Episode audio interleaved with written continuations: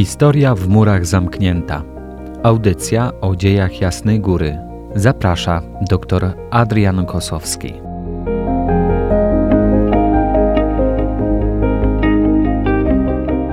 Szczęść Boże. Witam w kolejnym odcinku audycji Historia w murach zamknięta, którego tematem y, będą zmagania Jasnej Góry z zaborcą rosyjskim y, w ostatnich już latach y, przed odzyskaniem niepodległości przez państwo polskie.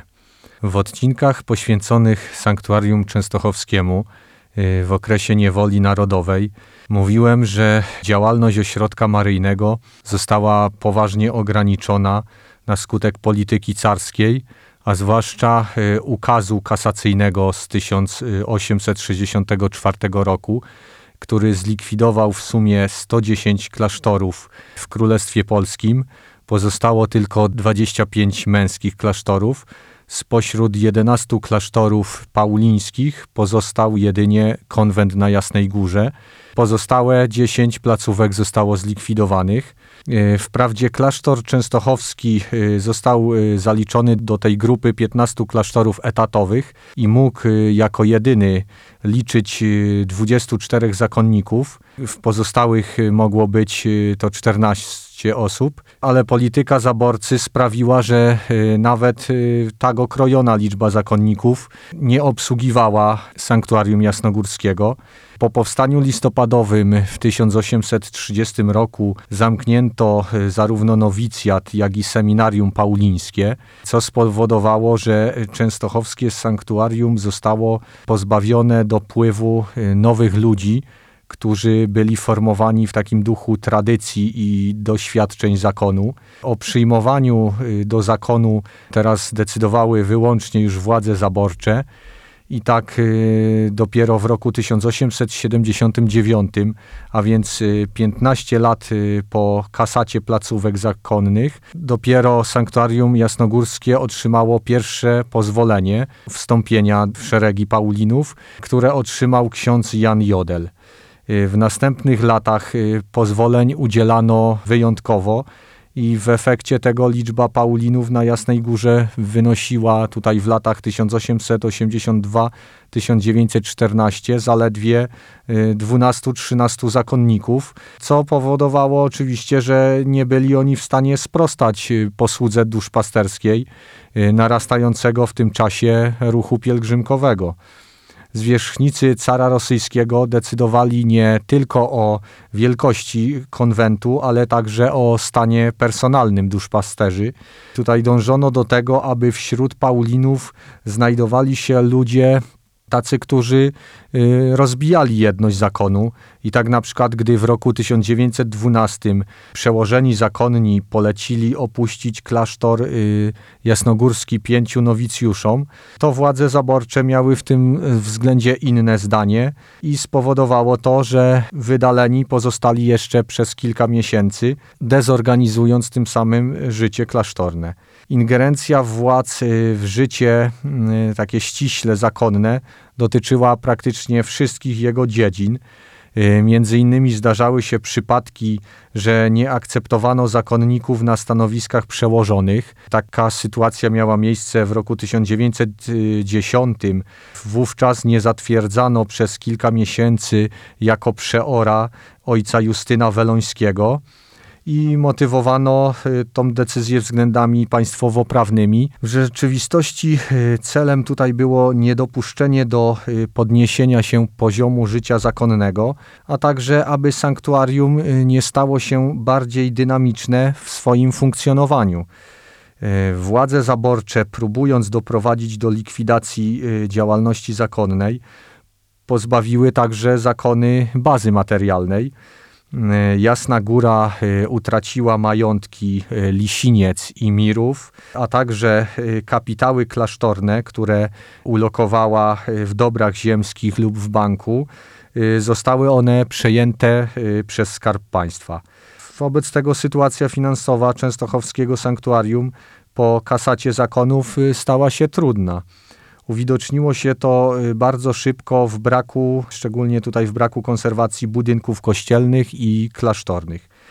Fakt materialnego wspierania przez Jasną Górę powstań narodowych w roku 1830 i w roku 1863 y, spowodował również, że na polecenie namiestnika carskiego tutaj taka została powołana specjalna komisja rzeczoznawców i ona dokonała y, dokładnej inwentaryzacji wraz z wyceną wartości poszczególnych przedmiotów skarbca, a także y, spisu najdrobniejszych rzeczy w klasztorze sprawowano y, kontrolę nad wprowadzonymi z nakazu władz księgami przychodów i wydatków sanktuarium.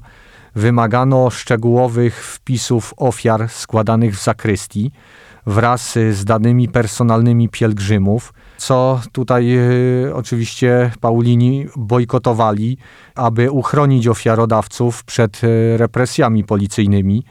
Władze zaborcze próbowały y, za wszelką cenę kontrolować dochody zakonu i wyeliminować wręczanie ofiar, które pielgrzymi dawali bezpośrednio zakonnikom z pominięciem zapisów w księgach. I wobec tego wprowadzono najpierw takie skarbonki, specjalne. One miały także pieczęć carską, które miały być otwierane wyłącznie w obecności władz świeckich. Później próbowano także ustanowić na koszt klasztoru skarbnika rządowego. Po tej y, drugiej nieudanej próbie gubernator Piotrkowski, któremu e, podlegało częstochowskie sanktuarium, w jednym ze swych raportów z roku 1903 określił swoje stanowisko wobec Jasnej Góry.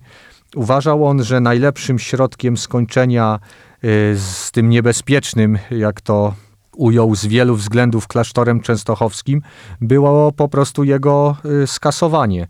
W obecnej y, sytuacji takie działanie niosło zbyt wielkie ryzyko.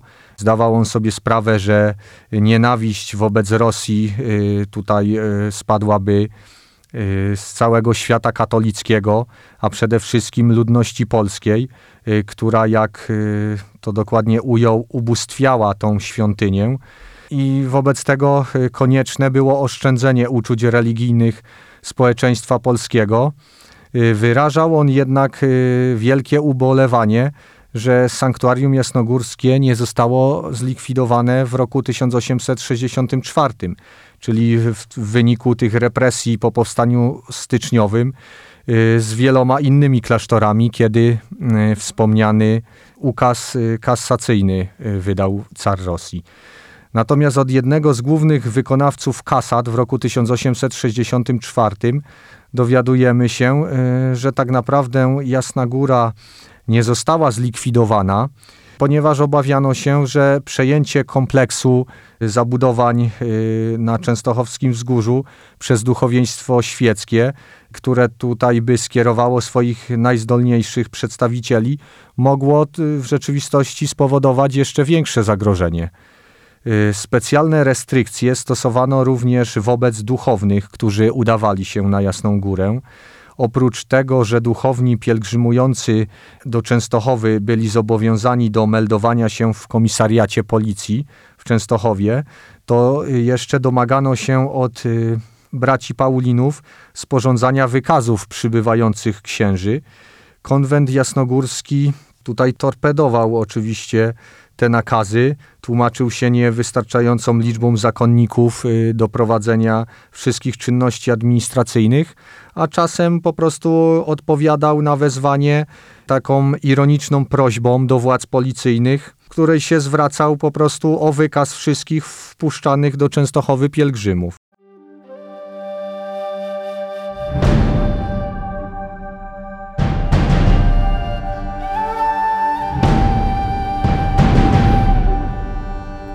Aby wejść do sanktuarium częstochowskiego, duchowni musieli posiadać y, wydane przez władze takie specjalne paszporty.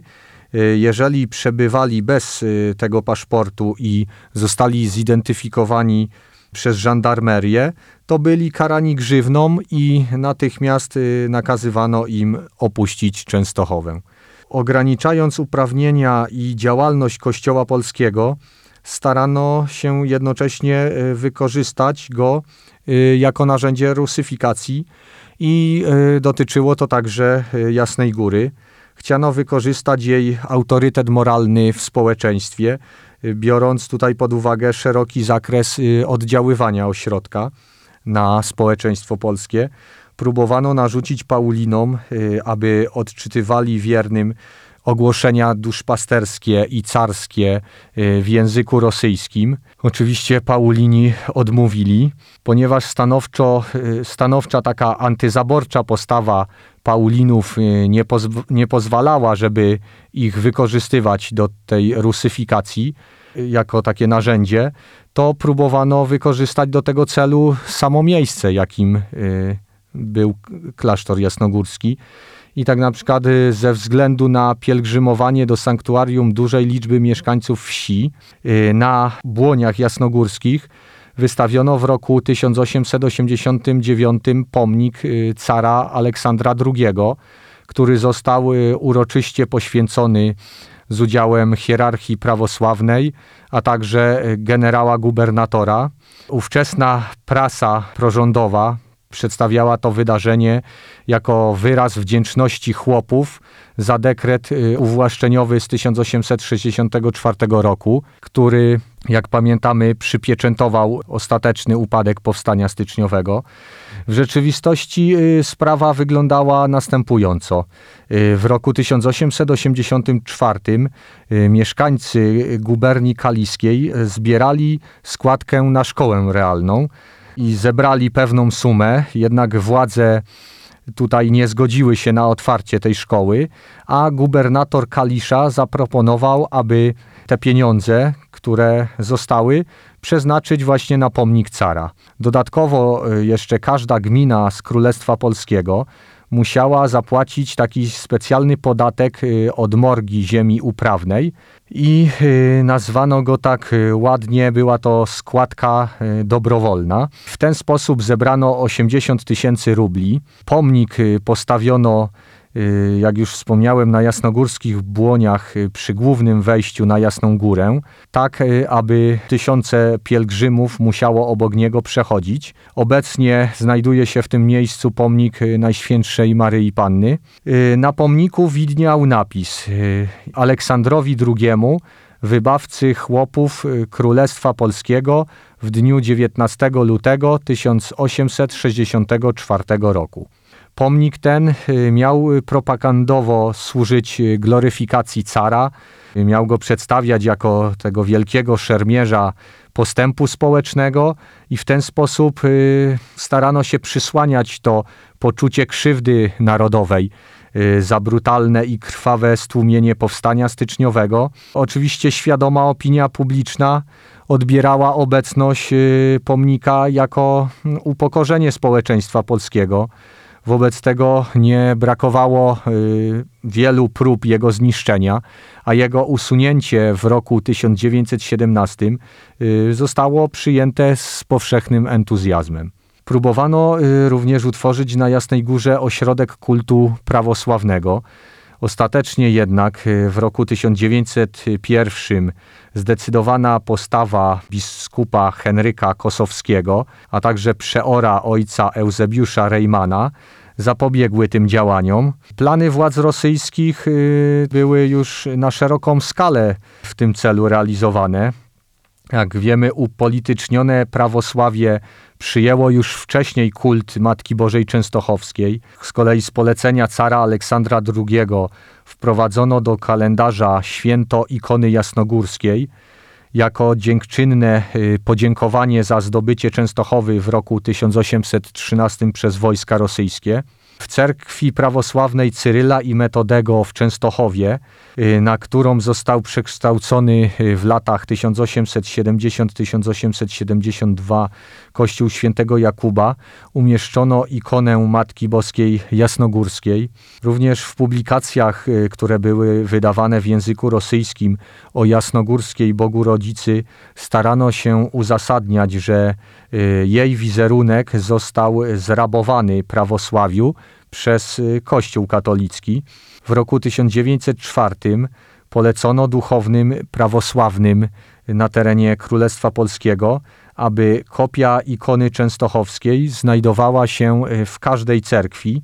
Także niektórzy biskupi prawosławni przy okazji przejazdu przez Częstochowę wstępowali i nawiedzali jasnogórskie sanktuarium. Polityka rosyjska, y, jak widzimy, zmierzała więc do wykorzystania sanktuarium jasnogórskiego w celu rusyfikacji Polaków, ale nie przyniosła ona y, zamierzonych skutków. W roku 1897 wojska rosyjskie opuściły Jasną Górę, co było y, wielkim sukcesem y, jej przeora, ojca Reimana. Przypomnę tylko, że wojskowa okupacja klasztoru jasnogórskiego trwała od y, powstania styczniowego, czyli od roku 1863 i trwała nieprzerwanie przez 34 lata. Natomiast w roku 1898 Konwent Jasnogórski otrzymał zgodę na budowę drogi krzyżowej,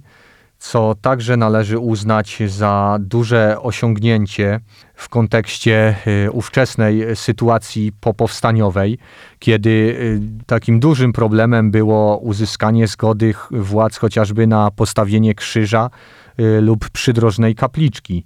Zwierzchnicy carscy natomiast y, nie ustawali w swoich y, próbach skompromitowania ojców Paulinów, y, ośrodka Jasnej Góry w oczach społeczeństwa, gdyż zdawali sobie oni doskonale sprawę, że stanowił on swego rodzaju ostoję polskości. Ochrana, czyli ta tajna policja carska, organizowała różnego rodzaju prowokacje. Próby te jednak nie przyniosły pozytywnego skutku pielgrzymki na Jasną Górę y, nie ustawały. Kontynuowano także budowę drogi krzyżowej, która została uroczyście poświęcona w roku 1913 y, z udziałem około 300 tysięcy wiernych w 50. rocznicę wybuchu y, powstania styczniowego. Mimo oczywiście zakazów, uroczystość ta odbywała się ze śpiewami polskich pieśni patriotycznych. Dla wspólnoty paulińskiej y, te doświadczenia, które tutaj przedstawiłem, y, represji i tych destrukcyjnych działań władz zaborczych, y, stały się takim momentem zwrotnym. Nastąpił po nich proces religijnego odrodzenia zakonu Paulinów, a także odnowy życia zakonnego. Tematem kolejnego odcinka audycji Historia w murach zamknięta będzie Jasna Góra w odrodzonej y, już Polsce, a więc w latach 1918-1939, na który zapraszam serdecznie już dzisiaj. Szczęść Boże! Historia w murach zamknięta. Audycja o dziejach Jasnej Góry. Zaprasza dr Adrian Kosowski.